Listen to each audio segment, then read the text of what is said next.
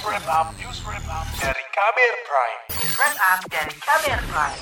Pemerintah memutuskan menaikkan harga tiga jenis bahan bakar minyak atau BBM, yakni Pertalite, Solar, dan Pertamax pada 3 September lalu.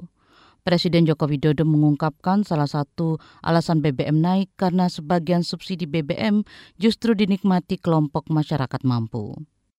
Lebih dari 70 persen subsidi justru dinikmati oleh kelompok masyarakat yang mampu, yaitu pemilik mobil-mobil pribadi.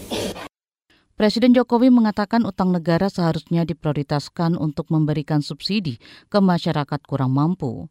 Oleh karenanya sebagian dana yang semula dialokasikan untuk subsidi BBM bakal dialihkan ke anggaran bantuan sosial. Pernyataan itu turut diperjelas Menteri Keuangan Sri Mulyani. Sri Mulyani mengakui subsidi BBM salah sasaran karena lebih banyak dinikmati orang kaya. Padahal anggaran subsidi energi dari APBN untuk BBM maupun gas LPG ditujukan untuk masyarakat menengah ke bawah. Ini 80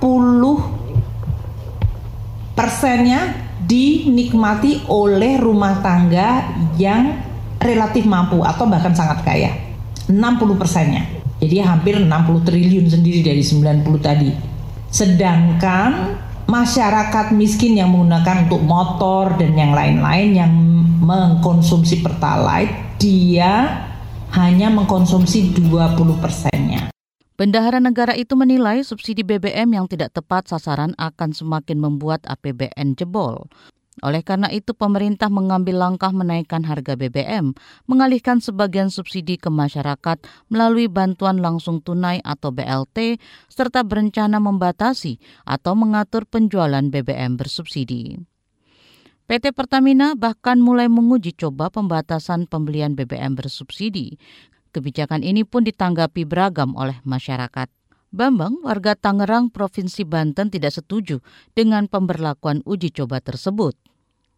Kalau menurut saya pribadi untuk pembatasan pertalite dan solar itu kurang tepat Pak ya. Karena kan kita tidak tahu kebutuhan di jalan di jalan itu seperti apa. Bisa jadi sebagai contoh kalau kita sering melakukan perjalanan dari Pulau Jawa dan Sumatera itu kan otomatis membutuhkan pada saat pengisian itu kan kita harus full. Untuk mengantisipasi khawatirkan di perjalanan itu SPBU kosong dan segala macam. Tapi kalau menurut saya, saya nggak setuju dan itu kurang efektif. Nah, efektif menurut saya adalah untuk kendaraan dengan cc tertentu itu yang harus dibatasi. Sebuah contoh kalau untuk mobil mewah itu dilarang untuk menggunakan bahan bakar yang uh, bersubsidi. Sikap serupa juga disampaikan Rida, warga Bogor, Jawa Barat. Ya, kalau uh, untuk pembatasan pembelian pertalit, aku nggak setuju karena masih banyak orang-orang yang di bawah kita yang dia mata pencahariannya dari ngojek. Ya itu yang pertama. Yang kedua soal uh, kalau lapak-lapak kecil yang dia juga jualan pertalik dan pertama kalau seandainya dibatasi kan dia juga nyari makannya susah.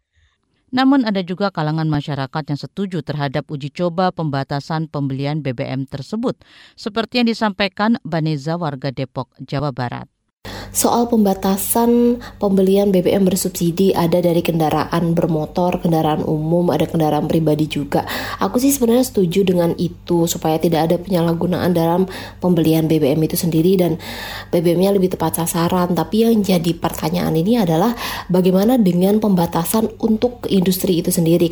Di sisi lain, peneliti Indef Abra Talatov menilai pembatasan pembelian BBM bersubsidi lebih elok dilakukan untuk mencegah salah sasaran ketimbang menaikkan harga.